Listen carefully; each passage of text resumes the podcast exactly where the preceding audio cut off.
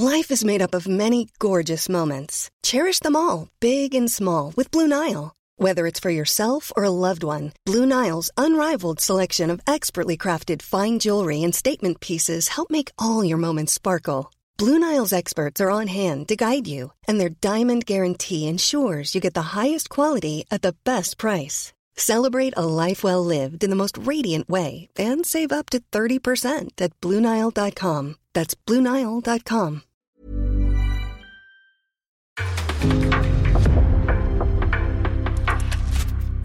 En podcast från Aftonbladet. Hej och välkomna till Kungligt. Jag heter Sara Eriksson. Och jag heter Jenny Alexandersson. Efter år av hot och osäkerhet har prinsessan äntligen vunnit i rätten efter en lång kamp om sin och sina barns säkerhet. Vi berättar allt. Och turerna kring prins Andrew tycks ju aldrig ta slut. Nu har det framkommit nya uppgifter om att prinsen är insyltad i en penningtvättsskandal. Och Megans pappa fortsätter att hänga ut sin dotter och den här gången handlar det om parets oförlåtliga handling mot drottning Elizabeth. Och en prins har avsagt sig sin kungliga titel på ett dramatiskt sätt och vi ska såklart berätta allt om den här unika historien.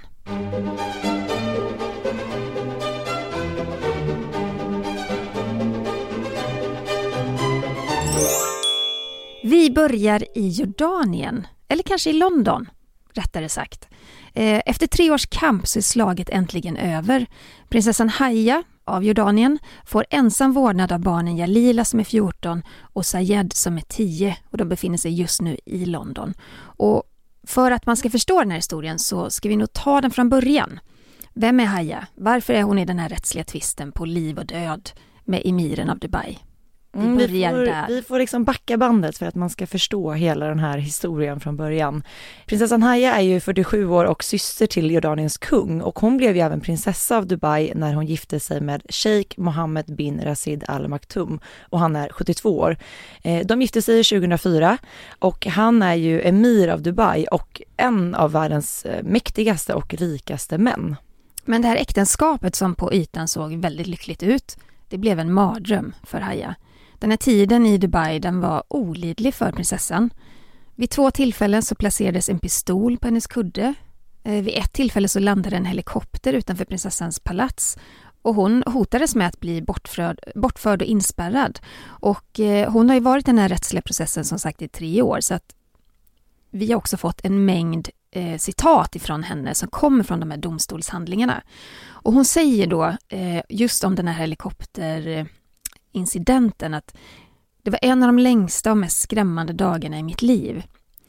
Och det kan man ju verkligen förstå. Mm. Och hon räddades på det viset att hennes son då, som var ju lite yngre då, han blev så rädd så att han slängde sig om hennes ben och liksom krokade fast sina armar kring hennes ben. Så att de här agenterna från emiren, de, de kunde liksom inte ta med henne i helikoptern. Men så hemskt också för sonen att ha sett allt det här. Alltså ja, men vilket sett, trauma. Vilket trauma att liksom se sin mamma bli ett försök till liksom att bli bortförd från sitt eget hem. Ja, och tanken var ju då att hon skulle liksom spärras in någonstans. Och samtidigt också så började ju emiren att så byta ut prinsessans personal i hemmet och det här var ju då anställda som hon uppskattade väldigt mycket och stod nära och de tvingades helt plötsligt att sluta. Och Haya hittade också hotfulla meddelanden på lappar som då gömts överallt i hennes hus och eh, i mars 2019 så offentliggjorde emiren att prinsessan Haya då inte längre hade sitt kontor på det kungliga palatset. Så att han av så här, olika så här, handlingar från hans sida satte ju verkligen skräck i henne. Ja men tänk att hitta meddelanden som hotar en till livet i ens hem. Ens hem ska vara ens trygga punkt mm. kan man tycka. Men han hade ju då tillgång till allt som var hennes i Dubai. Och kunde också verkligen styra det med ja. järnhand. Och hon sa ju också eh, att det var en stor offentlig förnedring då att officiellt bli degraderad på det viset och när hon, fick in, när hon inte fick ha sitt kontor där längre. Och sen, jag kommer så väl ihåg det här för att emiren han publicerade också hotfulla dikter. Eh, och, och, det var ju ganska lätt att tolka in att de handlade om Haja. Och sen kom det ganska snabbt rykten om att prinsessan Haja hade en relation med en av sina livvakter. Det var, det var våren 2019 som det där började spridas. Och för hennes del var ju det, det var ju fruktansvärda rykten för det hotade verkligen hennes liv. Eh, och sen då den 7 februari 2019 så skilde sig emiren från henne och det sker ju inte heller helt lättvindigt. Nej. Eh, så det var ju också en förnedring för henne.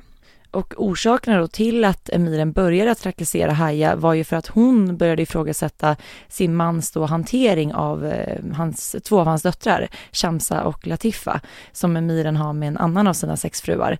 Eh, Shamsa var ju bara 19 år när hon försökte fly till Storbritannien, eh, men togs då till fånga av sin fars agenter, sövdes ner och fördes tillbaka till Dubai.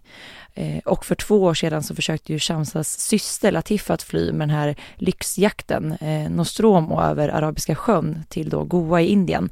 Men myndigheterna stoppade ju båten och emiren satte även henne då i husarrest i Dubai.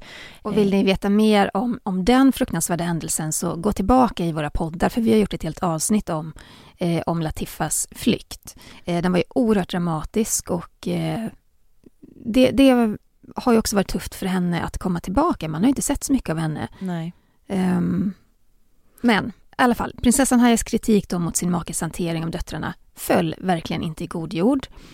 Eh, när prinsessan flydde då så sökte hon sig till London, Storbritannien. Hon sökte asyl i Storbritannien i april förra året.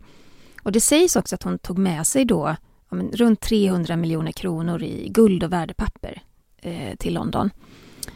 Och, så hon kom inte tomhänt. Eh, men den här prinsessans då komplicerade och hotfulla situation, det började sakta sippra ut och, och ännu mer då när det blev en rättslig process kring det här. Så att brittiska tabloider, de har ju skrivit spaltmeter om Haya och eh, emiren. Ja, och emiren vägrade ju att delta i rätten, eh, men han representerades då av advokater istället. Eh, det här blev ju svindyra advokater såklart. De skulle ju ha de bästa. Ja, ja, ja. Emiren anlitade Lady Helen Ward som representerade Guy Ritchie i skilsmässan från Madonna och eh, prinsessan Haya i sin tur anlitade Fiona Shackleton som förde då prins Charles talan vid skilsmässan från prinsessan Diana 1996. Så att det var inga dåliga advokater som de anlitade. Nej, det här var ju, det var ju verkligen på liv och död. Och i januari i år så var emiren och Haya överens om själva skilsmässan. Domstolen beslutade att emiren skulle betala Haya ungefär 6,7 miljarder kronor. Det är inte småskit. Nej. Men den här summan då, den skulle användas, eller ska användas för att täcka Hayas och barnens uppehälle, men också säkerhetskostnader då resten av deras liv. Och den här rättsprocessen det är en av de största skilsmässouppgörelserna som någonsin upprättats i en brittisk domstol. Men han är ju, alltså emiren är ju också en av världens rikaste män. Mm. Man vet inte exakt hur många miljarder han, han har, men det är enorm, en enorm förmögenhet. Och så mycket makt som han besitter. Ja, och man märker också det på hur han trakasserar henne, även när hon flydde till London. Han fanns ju där fortfarande. Han köpte en fastighet granne med hennes bara för att markera att jag kan nå dig överallt. Och den här mjukvaran som installerades på typ alla människor runt omkring Haja och även på henne tror jag, alltså ja. så, att han kunde, eller han och hans då folk kunde avlyssna allt som sades, gjordes, googlades, alltså det var ju fruktansvärt. Hon har ju verkligen varit förföljd mm. och känt sig förföljd konstant. Ja. Men nu har hon faktiskt då ensam vårdnad om Jalila och Sayed och familjen får stanna i Storbritannien. Och det är ju ett steg på väg ändå i hennes eh, ja, men väg mot frihet. Och i ett långt och känslosamt inlägg på Instagram så tackar hon alla inblandade i processen. Hon tackar sina advokater och hon tackar alla som har funnits där. Men det största tacket, det får faktiskt hennes bror, kung Abdullah av Jordanien. För han gav Haya diplomatisk status och ett jobb då på Jordaniens ambassad i London. Och på det viset så fick ju hon diplomatisk status och det blev ju svårare för emiren att komma åt henne i och med att hon hade den här statusen. Men det var nog mycket av hennes räddning och också att hon kunde stanna kvar. Men sen har ju rädslan varit just att hon inte ska få ha kvar sina barn i mm. Storbritannien. Eh, men nu kan hon väl andas ut då, då, och veta att barnen stannar med henne i mm. London. Hon säger ju också då i det, förlåt, i det här uttalandet att de sista åren har varit en skrämmande resa och den fristad, det skydd och den extraordinära medkänsla vi har upplevt i England har stärkt oss i vår tro i den uthålliga kraft som finns hos både mänskligheten och rättvisan, säger då prinsessan Haya i det här uttalandet som hon la ut på Instagram. Och nu när prinsessan Haya även då fått ensam vårdnad av barnen kan hon ju faktiskt känna sig fri. Eh, och då skrev hon så här i ett uttalande. Det finns inga ord, inga ord alls för att beskriva den respekt, beundran och stolthet jag känner för de två modigaste stjärnorna av oss alla, Jalila och Sayed, säger prinsessan Haya i det här uttalandet. Jag menar, de är 14 och, och 10 nu. De har ju upplevt det här traumat, de vet ju, de förstår ju. Mm. Det måste vara så fruktansvärt uppslitande. Och sen, det känns också konstigt när vi sitter och snackar om det på det här viset när så många länder, inklusive Ukraina, befinner sig i en krigskonflikt. Men, men det är ändå så här, om man nu tar det i det här sammanhanget, det är otroligt rika, mäktiga människor som drabbats av det här. Eh, de får skydd, de får trygghet, men det är ändå så här barnen, alltid Mm. barnen. Alltid barnen. Vi ska prata om prins Andrew, Mm. vår kära vän prins Andrew. Det som- känns nästan som att han är en vän med tanke på hur ofta vi pratar om prins det tar Andrew. aldrig slut. Nej. Skandalerna fortsätter att radas upp och många har ju undrat hur prinsen har kunnat leva så lyxigt och utsvävande liv i alla år. Eh, I veckan så har det framkommit att prinsen är insyltad i en påstådd penningtvättsskandal. Är vi förvånade Sara? Nej, eh, nu har vi följt prins Andrews skandaler framförallt sedan 2019 och hela den här rättsprocessen, eh, hans koppling till Jeffrey Epstein och nu puttrar det upp nya skandaler som prins Andrew mycket medvetet, medvetet varit inblandad i.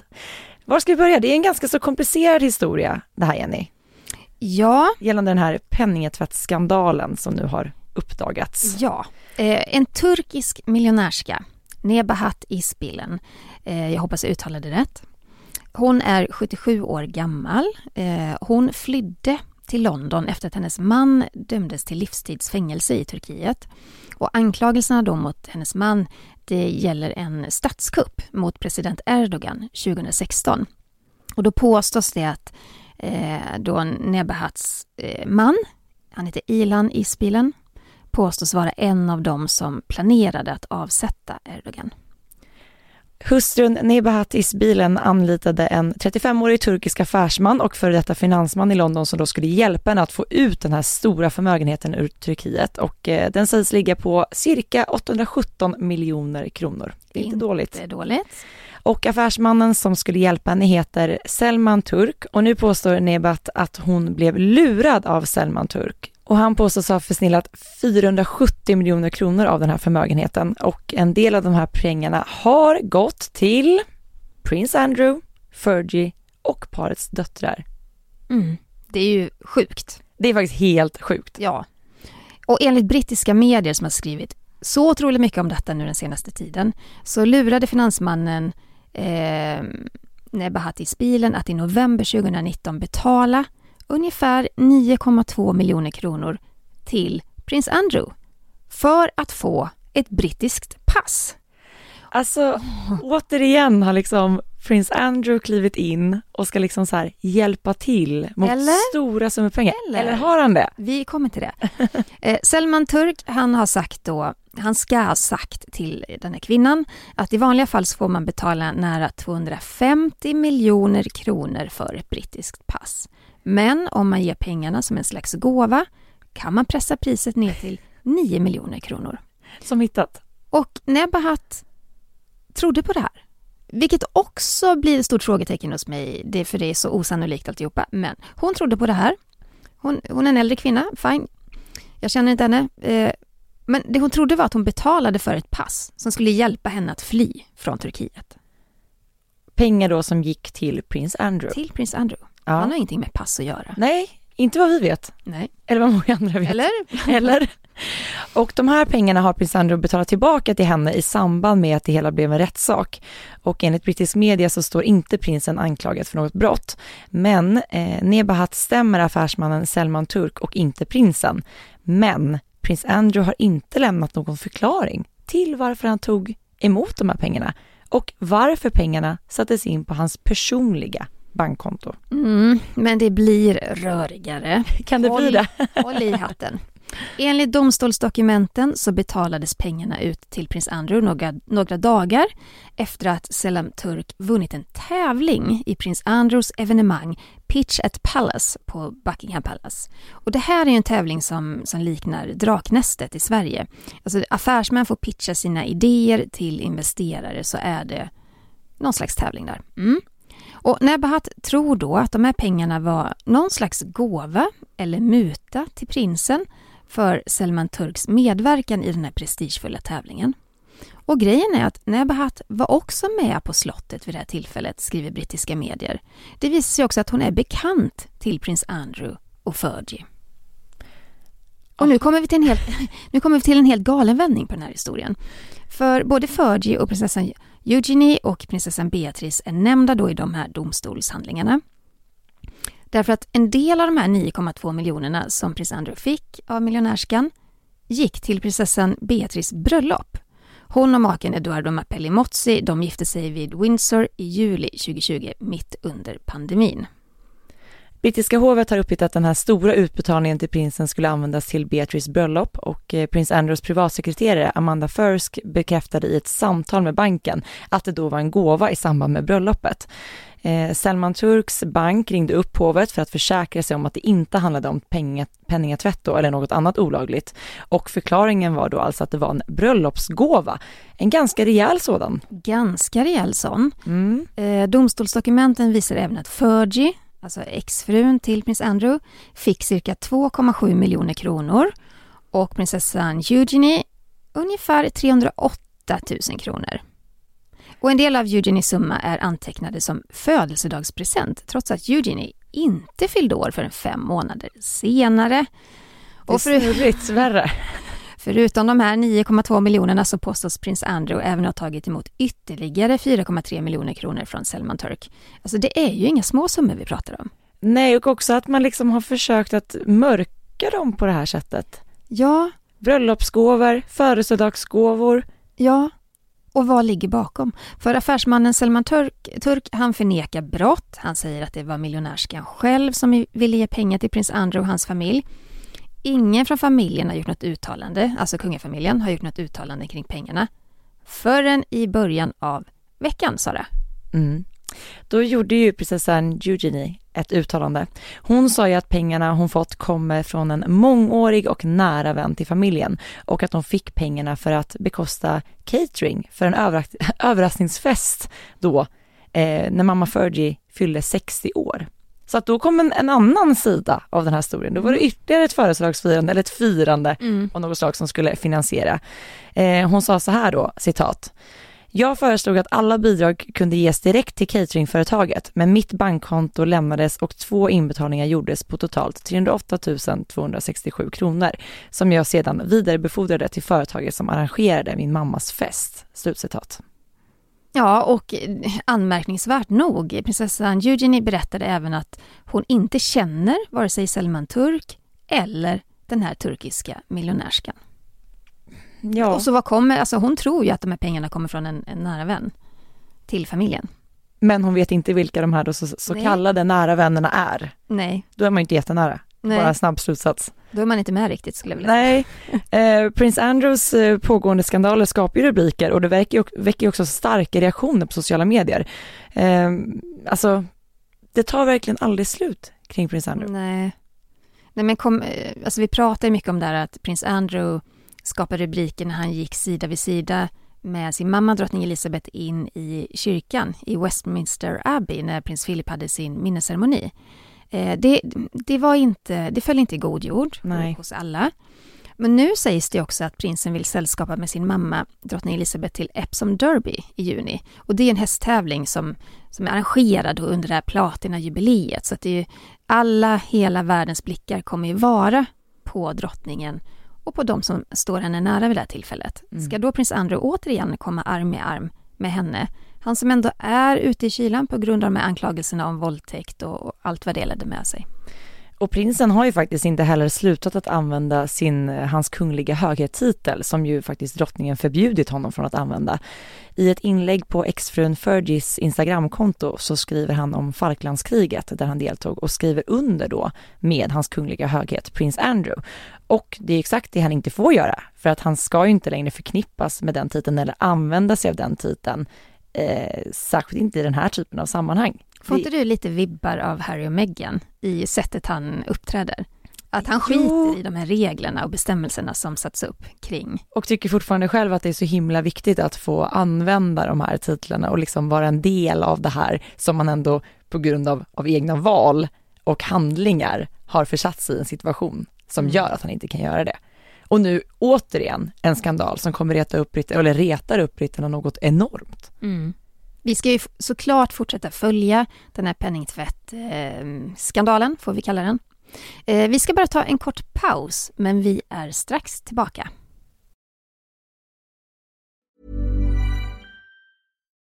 Botox Cosmetic, out of botulinum toxin A, FDA approved for over 20 years. So, talk to your specialist to see if Botox Cosmetic is right for you. For full prescribing information, including boxed warning, visit BotoxCosmetic.com or call 877-351-0300. Remember to ask for Botox Cosmetic by name.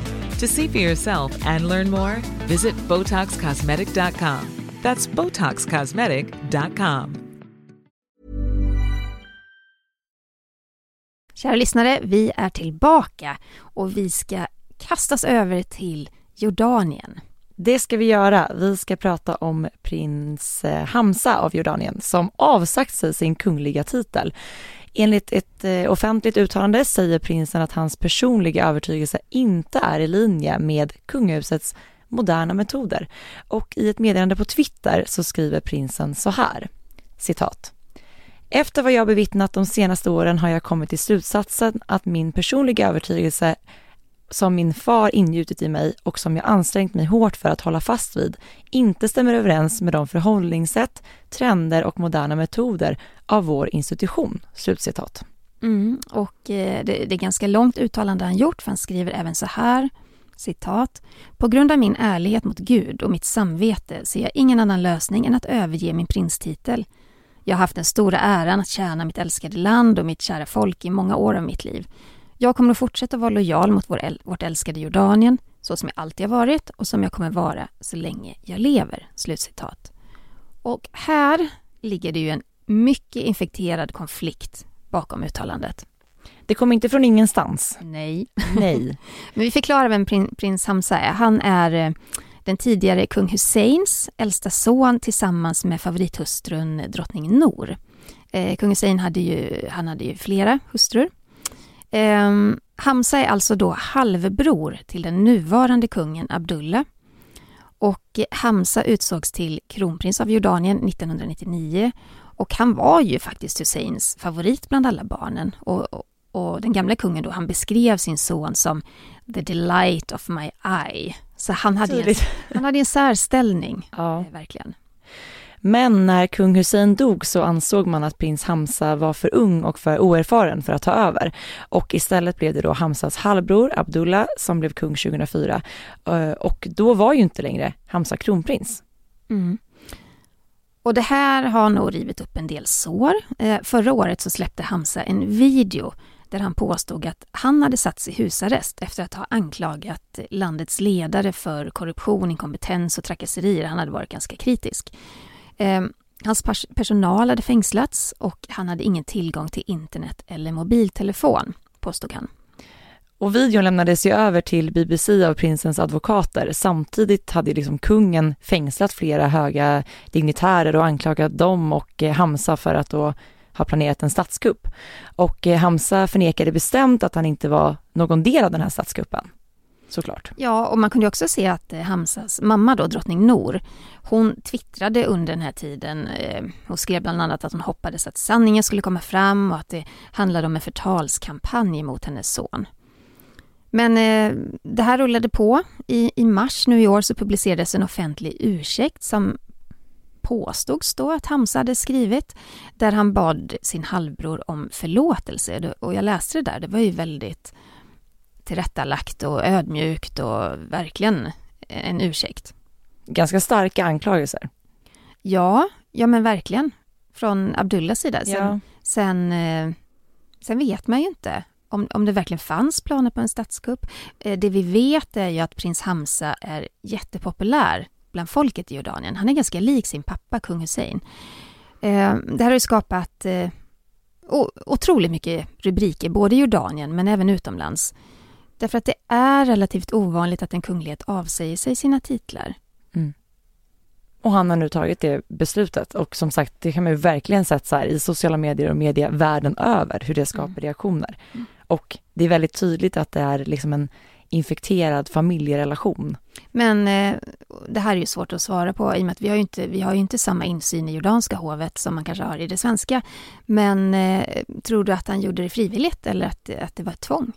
Det är ju så svårt, i och med som du säger, vi har ju ingen aning. Eh, det han skriver själv på Twitter känns ju ganska så personligt och mm. han lägger väldigt mycket personlig värdering i sitt uttalande. Men man vet ju heller inte ifall att det har stöpts tillsammans med någon annan, just för att man inte ska tro mm. att han har blivit tvingad till det. Nej. Men vi har ingen aning. Vi får se om det kommer fram någonting mer. Men jag tror liksom att, att med tanke på hans popularitet så, så kan det också skapa en väldigt så dålig bild av monarkin. Alltså just för att han är så populär och nu väljer han att då avsäga sig titlarna. Att det kan liksom skapa lite tension. Ja, ja faktiskt. Så det är nog inte särskilt bra Nej. för hovet. För det är väldigt ovanligt att en kunglighet väljer att göra som han har gjort.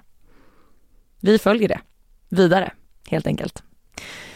Vi ska ta oss tillbaka till Storbritannien och prata om Kate och William Eh, idag bor ju de tillsammans med familjen på Kensington Palace i London. Men det pratas och skrivs väldigt mycket om att eh, de vill liksom flytta närmre drottningen, att de vill flytta till Windsor inom en snar, snar framtid. Och enligt The Sun då så planerar paret att flytta redan till sommaren. Och nu spekuleras det mycket om det här valet att flytta närmre drottningen beror på att paret helt enkelt vill hindra prins Andrew från att närma sig offentligheten igen. Ja, prins Andrew han bor ju på Royal Lodge. Eh, det är ganska nära drottningen och det gör att de kan umgås mycket. Och enligt en källa till The Sun så ska kungafamiljen varit glada över att prinsen funnits nära drottningen under hela den här pandemin, det här tuffa året hon har haft. Men att eh, resten av familjen är fast beslut, eh, de har beslutat om att det finns ingen väg tillbaka in i offentlighetens ljus för prins Andrew. Han är, efter det som, han, som har hänt, så är han inte en del av det offentliga livet. Det känns som att alla är väldigt medvetna om det förutom prins Andrew själv som ja. hela tiden försöker steppa tillbaka och hoppa in i, i den kungliga värmen igen. Han hela tiden. Ja men verkligen. Ja. Eh, men då är frågan, om det nu är så att, att eh, William och Kate och hela familjen då flyttar närmare drottningen, kan det faktiskt vara så att det är ett sätt att liksom skapa ännu bättre band med drottning Elizabeth? Eller är det liksom ett drag för att förbereda sig inför framtiden och att de kanske ska ta eller de ska ju det, ta ett allt större ansvar i den kungliga rollen. Jag tror inte för en sekund på att det handlar om att de vill eh, hålla prins Andrew på avstånd. Det där tror jag är brittiska tabloiders eh, sätt att skapa drama. Eh, att flytta tillsammans med två barn som går i skolan, tre, ja, tre barn, förlåt, tre barn som går i skolan, det är ett stort projekt. Mm. Det här handlar inte om prins Andrew, utan det här handlar i så fall om att de vill ha, leva i en annan miljö. Mm. Eh, Kensington Palace, det är ju ändå mitt i London. Eh, visst, de har en park, men jag tror att eh, precis, precis som svenska kungaparet sökte efter en mer barnvänlig miljö när kungabarnen var små, så tror jag att de tänker likadant. Så vi kan nog strunta i det här med den här storyn om att de skulle putta ut prins Andrew från drottningens sida. Nej, nej, det tror jag verkligen inte. Men jag tänkte på det, kan det inte också vara bra ifall att paret väljer att bo kvar i London nu när drottning Elizabeth då beslutat sig för att inte återvända till Buckingham Palace? Nej, vet du, jag tror inte det heller. Nej. Därför att nästa, nästa på tur är prins Charles och Camilla och de kommer ju stanna i i London och vid Buckingham Palace. Där, han kommer ju ha sitt kontor där när det är färdigrenoverat. Så det tror jag inte heller. Alltså, det, alltså William och Kates väg till tronen, det ligger så långt fram i framtiden ändå så att de är fortfarande så fria och och tänka på familjen och barnen mer. De kanske mer kan unna sig det nu med tanke mm. på att det är en sån lång tid, förhoppningsvis lång tid kvar tills det är dags för dem att återigen vända tillbaka till stan och ja. göra lite som svenska kungaparet, flytta från Kungliga slottet ut till Drottningholm Precis. som är betydligt mer familjevänligt. Mm. Det tror jag. Nu är det dags för veckans Harry och Meghan.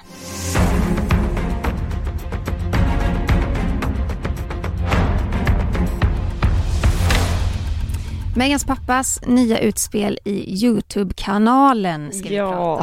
vi prata För några veckor sedan så lanserade ju Megans pappa Thomas Markle en Youtube-kanal. Den heter Remarkable Friendship och än så länge har tre avsnitt släppts. Eh, och han sitter då och samtalar med sin gode vän, kändisfotografen Carl Larsen. Och som ni vet, eh, Megans pappa har ju inte direkt eh, Han har inte varit snål med att sälja ut sin dotter fullständigt i media, eller hur Sara? Nej, innan bröllopet så såg han ju till exempel till att paparazzi-fotografer fotade honom. Han hade då gjort upp det här tillsammans med dem. Han har även sålt ett privat brev till bland annat The Daily Mail som Meghan skrivit till honom och det här ledde ju faktiskt till en rättsprocess. Eh, och i det första avsnittet eh, på den här Youtube-kanalen så pratade ju han eh, väldigt öppet om att han mer än gärna möter sin dotter Meghan i rätten för att då försvara sin äldsta dotter Samantha Markle. Hon har ju stämt sin syster efter den här intervjun hos Opera. Eh, i intervjun så sa ju Meghan att hon växte upp som ensambarn och att hon inte har någon relation till varken halvsystern Samantha eller halvbrodern Thomas Markle Jr. Och det här är ju då systern Samantha då stämt henne för. Och då pratade Megans pappa om att han gärna möter Megan i rätten för att försvara Samantha. Eh, men nu har han ju självklart då vevat på ännu mer i den här Youtube-kanalen. Eh, hade vi ens räknat med någonting annat? Det känns som att den har skapats alltså just för att han ska kunna veva runt med mm. det här. Det, är liksom, kritisera Meghan och Harry. Det känns som att det är syftet med hela den här kanalen. Ja, förra veckan då så närvarade ju brittiska kungafamiljen vid prins Philips minnesceremoni i Westminster Abbey som vi har pratat om. Men eh, prins Harry och Meghan var ju inte på, pla på plats. Och många tror att det handlar om att eh, de vill göra ett statement. De, eh, Harry har ju Eh, startat någon slags rättsprocess kring att han inte får ta del av Scotland Yards livvakter. Han känner sig otrygg i London, han vill inte ta med sin familj och sina barn dit utan han vill då ha rätt till det här brittiska livvaktssystemet. Um, det har ju de sagt nej till. Ja, och det skulle sägas att, att prins Harry får ju betala för sin och familjens säkerhet överallt annanstans just nu med tanke mm. på att de har valt att lämna kungafamiljen. Eh, men just när han då återvänder till Storbritannien tycker han att det ligger på, helt plötsligt på kungahusets sida, att hjälpa honom med livvaktsskyddet. Mm. Sen tror jag ju att eh, hade Harry velat vara med på den här minnesceremonin så, så hade han kunnat känna sig fullkomligt trygg därför att eh, runt alla de här kungligheterna i familjen så hade det ju surrat av livvakter och stor säkerhet. Så att, ja, jag tror inte jag köper det argumentet. Nej, eh, men det var ju många som reagerade på just att prins Harry och Meghan inte var på plats. Eh, prins Harry stod ju sin farfar mycket nära och eh, han var ju med vid prins Philips begravning för ett år sedan. Men nu har ju då även Megans pappa reagerat på att paret inte närvarade då. Han pratar om det i den här Youtube-kanalen och vi kan ju lyssna lite på vad han sa om det. For them to not show up was like a slap in the face to the queen. A complete and, uh, and uh, unforgivable. Uh, the British people won't forgive them for that, and and they shouldn't. Right. Um, and uh, otherwise, otherwise, it, it, was a good service. Went along very well. Right. And well deserved for that man. Han säger bland annat att det är ett slag i ansiktet på drottning Elizabeth och det brittiska folket. Att han, eh, ja, Thomas Markle då beklagar det, det är oförlåtligt. Folket kommer inte förlåta dem och, och det, det borde folket inte göra heller. Ungefär så, säger han. Ja, och sen då tar ju hans eh, partner i den här Youtube-kanalen vid, Carl då, eh, han pratar vidare gällande en teori som han själv har, att det skulle ha varit Meghan som satte stopp för prins Harry att närvara. Och de pratar även om att de inte vet varför paret valde att närvara, men säger flera gånger att det är oförlåtligt. Ehm, de pratar ju även vidare om att det här som vi var inne på, att prins Andrew gick tillsammans med drottningen in i kyrkan eh, under den här minnesceremonin och att de blev chockade över det, men att det samtidigt var förståeligt. Eh, en sak jag reagerar på är att under det här samtalet när de sitter och pratar så har de ställt upp ett foto mellan sig på drottning Elizabeth. Alltså ska det här bli en sån kunglig analytisk Youtube-kanal eller vad, var är de, vart är de på väg? Vart är de på väg? Jag vet inte om Megans pappa ens vet vart han är på väg. Det känns som att han har ingen riktig riktning i sin kritik och hur han vevar, men vi kommer följa det här också. Men visst är det märkligt, där sitter de två och pratar, det är ganska så här, de, jag vet, det känns ju ganska så här ostrukturerat och så sitter de där med drottning Elizabeth emellan sig. Ja. Märkligt. Ja, verkligen. Ja, på tal om Harry och Meghan, vi har ju tidigare berättat att eh, paret ska släppa en podd. De startade ju en podd hos Spotify för förra året, men det kom bara ett enda avsnitt då med löfte om att det skulle komma en lång rad med fler avsnitt under 2021. Men det hände ingenting. Och så har man ju förstått då att Spotify, ja det påstås att de har känt så stor frustration över att paret inte producerar något. Och så annonserade de ju ganska nyligen efter personal som kunde jobba med paret med podd. Men nu har det ju då kommit en nyhet om att Meghan ska släppa podden Archetypes. Den har premiär i sommar. Ja, och den här podden kommer ju att fokusera på stereotyper som håller tillbaka kvinnor i samhället och bilden vi har av kvinnor. Eh, experter och historiker kommer då att delta i den här podden. Så det är ju ett annorlunda format mot Archwell som de först lanserade och som vi inte har sett någonting mer av. Mm. Men Meghan har då ansökt om att få patent på ordet archetype och det har hon ansökt genom sin organisation då Archewell. Men frågan är om hon lyckas, för att det här ordet används ju hos en lång rad med företag. Jag vet bland annat är makeupmärket Archetypes. Det är väl lite svårt att kanske få patent. Det kan det, det nog vara. Men så hela den här Archwell-podden som har släppt ett avsnitt på två år, den kommer de inte, eller ska hon samtidigt Eh, ska de återuppta den också eller det blir det helt nytt? Så. Okej, så den lämnar de helt bakom sig. och sen blir det en helt ny, ett helt nytt format. Ja, rörigt, eller hur? Väldigt rörigt. Vi får se hur många avsnitt vi får höra av den nya podden. Det kanske bara blir rätt. ja, det kanske är det som är grejen, man släpper ett poddavsnitt. ja. ja, spännande. Mm. Vi går över till svenska kungahuset. För förra veckan så uppdaterade Svenska hovet sin hemsida och i samband med det så lanserades också nya bilder på kungahusets medlemmar. Vi såg dem i full galastass. Det var långklänning, det var DM, det var smycken. Men det var också en rad med mer vardagliga bilder. Mm, och det var ju en detalj som många lade märke till eh, och det är då det här porträttet av prinsessan Sofia. Eh, på bilden bär ju hon en långklänning och hon har sitt privata diadem som hon fick i gåva av kungen och drottningen inför bröllopet med prins Carl Philip 2015. Och på bröllopet bar hon ju det i dess ursprungsform med de här gröna smaragderna fastmonterade. Men vi har även sett prinsessan bära det här eh, där smaragderna monteras ner och istället har hon burit det med både pärlor och eh, turkoser. Men på det här nya fotot så bär hon det då helt utan pärlor och smaragder eller någonting annat och bär det verkligen som det är i dess enkelhet och det är väldigt vackert. Men det var inte diademet som många reagerade på utan de här örhängena som prinsessan Sofia bär på bilden. Mm. De här ametistörhängena det är ju en del av ametistgarnityret som består av diadem och armband, örhängen och broscher. Och smyckena de tillhörde från början drottning Josefina. De tillverkades eh, i Paris i början av 1800-talet och vi har väl främst sett drottning Silvia bära det här garnityret. Men även kungens syster prinsessan Desiree har burit det och någon gång har vi sett det på, på Madeleine också, jag tror det var vid Nobel 2012. Mm. Och vid kungens middag för nobelpristagarna 2018 så lånade ju prinsessan Sofia då delar av garnityret, örhängen, armband och en brosch och året innan, 2017, så såg vi henne också bära det här diademet i samband med kungens middag. Så det verkar ha blivit lite av en favorit hos prinsessan Sofia. Och jag tycker det är en, en väldigt fin gest ifrån drottning Silvia att låna ut eh, några av hennes favoritsmycken till sin svärdotter. Eh, vid Nobelfesterna så har ju Sofia endast burit sitt privata diadem och det lilla ståldiademet, så kanske får vi se henne. Är det ett tecken på att hon får allt mer ta ur den här kungliga skattkistan kanske? Mm, det vore ju roligt. Ja. Att se. Eh, och på tal om Carl Philip och, och Sofia, förra helgen så var ju de faktiskt med vid en välgörenhetsgala det här Hela Sverige skramlar som hölls på Avicii Arena. Och den här galan arrangerades ju i solidaritet med Ukraina. Alla intäkter gick då till organisationer som hjälper krigsdrabbade i landet. Det var väl ganska många artister som uppträdde? Ja, ett 30-tal tror jag det var under den här kvällen. Bland annat Benjamin Ingrosso, Veronica Maggio och Gina Dirawi. Och eh, sammanlagt samlades 63 miljoner kronor in, så det var ju jättebra. Och prinsparet delade sin närvaro på sociala medier via deras Instagramkonto Prinsparet, bland annat med en bild tillsammans på ukrainska ambassadören och hans fru. Och prinsparet skrev så här, citat, en kväll som berörde, tack alla involverade. Ett speciellt tack till ukrainska artisten Maria Sur vars uppträdande kändes rakt in i hjärtat. Slutcitat. Mm. Det var ju många som reagerade på den här artisten Maria Sur. Hon, hon var ju tidigare med i den ukrainska versionen av The Voice.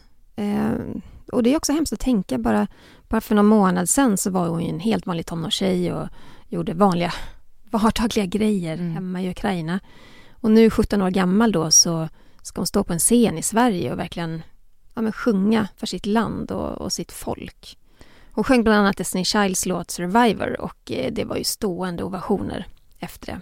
Ja men det var så mycket känslor och så himla starkt. Och eh, den här galan Hela Sverige skramlar, den arrangerades ju 2015 för att samla in pengar då till förmån för flyktingkatastrofen till följd av Syrienkriget. Och även då var ju prins Carl Philip och prinsessan Sofia på plats. Mm. Ja, men det är ju så, kungafamiljen har ju, har ju liksom fokus på immigration och integration och det har i alla fall ja, men kungen och kronprinsessan haft sedan 2015 då den första flyktingvågen kom. Så det är ju någonting som de prioriterar. Jag tycker det är fint att alla i familjen då sluter upp kring detta. Vi har även sett prinsessan Madeleine göra inlägg på Instagram och så vidare. Um, så det finns ju det finns en stark känsla där hos kungafamiljen att vilja hjälpa.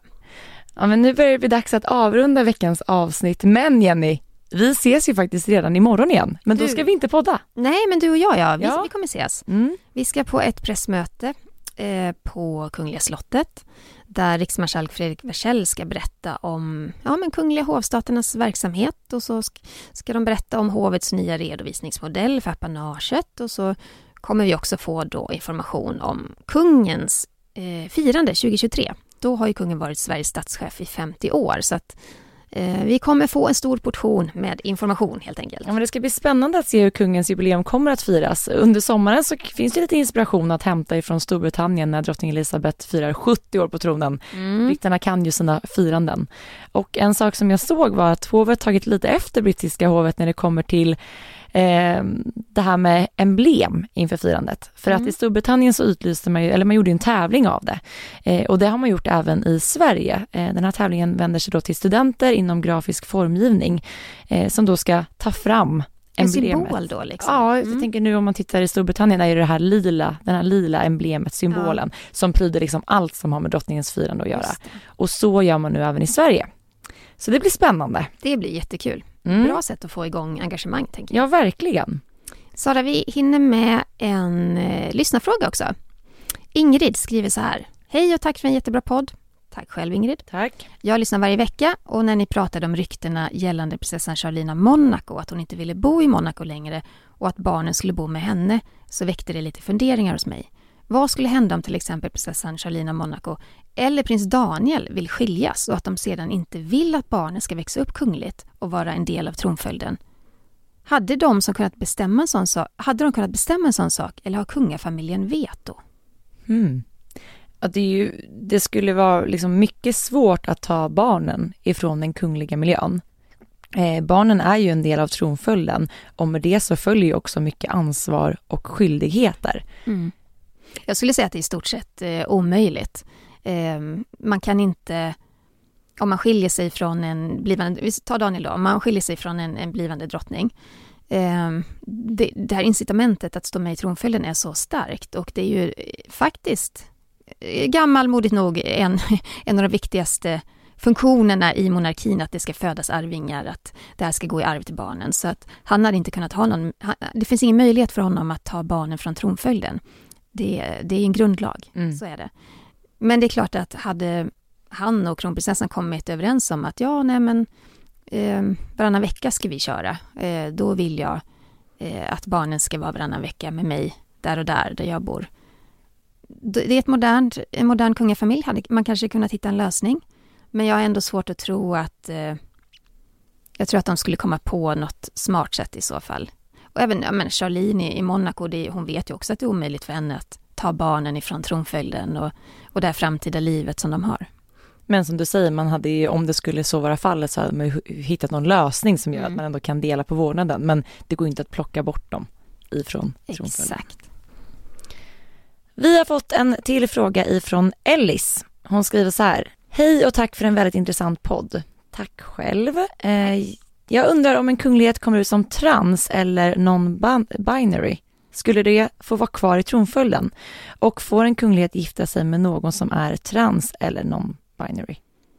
Ja, men vilken spännande fråga. Jättespännande. Så här, på pappret så får de ju såklart vara med i tronföljden. Eh, samma regler som gäller för svenska folket, samma regler ska gälla för, för kungafamiljen. Och eh, jag menar, vi lever ändå i ett så pass modernt samhälle. Eh, bara för eh, några år sedan, 2019, så gick ju riks... Nej, ja, det var nog förra året förresten, så mm. gick ju riksmarskalken ut när jag frågade honom ifall Estelle kan få gifta sig med en kvinna. så var han jättetydlig med det att självklart kan hon få gifta sig med en kvinna. Därför att samma regler gäller. Eh, så på pappret är det så. Eh, sen, sen hade man kanske hittat metoder eller sätt liksom att hantera detta så att det blir så bra liksom för den här kungligheten som möjligt. Eh, men aldrig skulle jag tro att man skulle ta, ta dens plats i tronföljden eller man på något sätt skulle påverka den personen negativt. Och det gäller ju också med, om en kunglighet, frågan var ju också, får en kunglighet gifta sig med någon som är trans eller non-binary? Ja, men självklart är det så. Och det, det handlar ju om mänskliga rättigheter och jag menar så pass moderna är vi i Sverige att ja, samma regler gäller för, för kungafamiljen. Och det var ju det som var så bra med det här uttalandet ifrån, ifrån riksmarskalken, mm. just att även om, som du säger, ni på pappret eh, har det liksom varit så, men att man också gjorde det som ett uttalande för att liksom tydliggöra ja. att det är ett fritt val hos ja. kungligheterna, ja, precis som det är för övriga svenska folket. Ja. Bra fråga. Ja, jättebra fråga. Glöm inte att följa oss på sociala medier. Var hittar man dig, Jenny? På Instagram, där heter jag Kungligt med Jenny. Och var hittar man dig? Royalistan.se. Tack snälla för att ni har lyssnat på veckans avsnitt av Kungligt. Eh, nästa vecka är det påsklov, då gör vi ett kort uppehåll. Men veckan därpå är vi tillbaka. Ha det så gott, trevlig påsk, hej då! Hej då!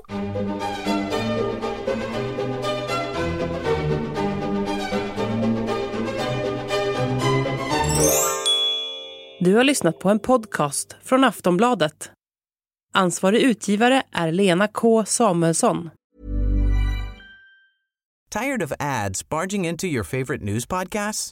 Good news. Ad-free listening is available on Amazon Music. For all the music plus top podcasts included with your Prime membership. Stay up to date on everything newsworthy by downloading the Amazon Music app for free or go to amazon.com slash news ad free. That's amazon.com slash news ad free to catch up on the latest episodes without the ads.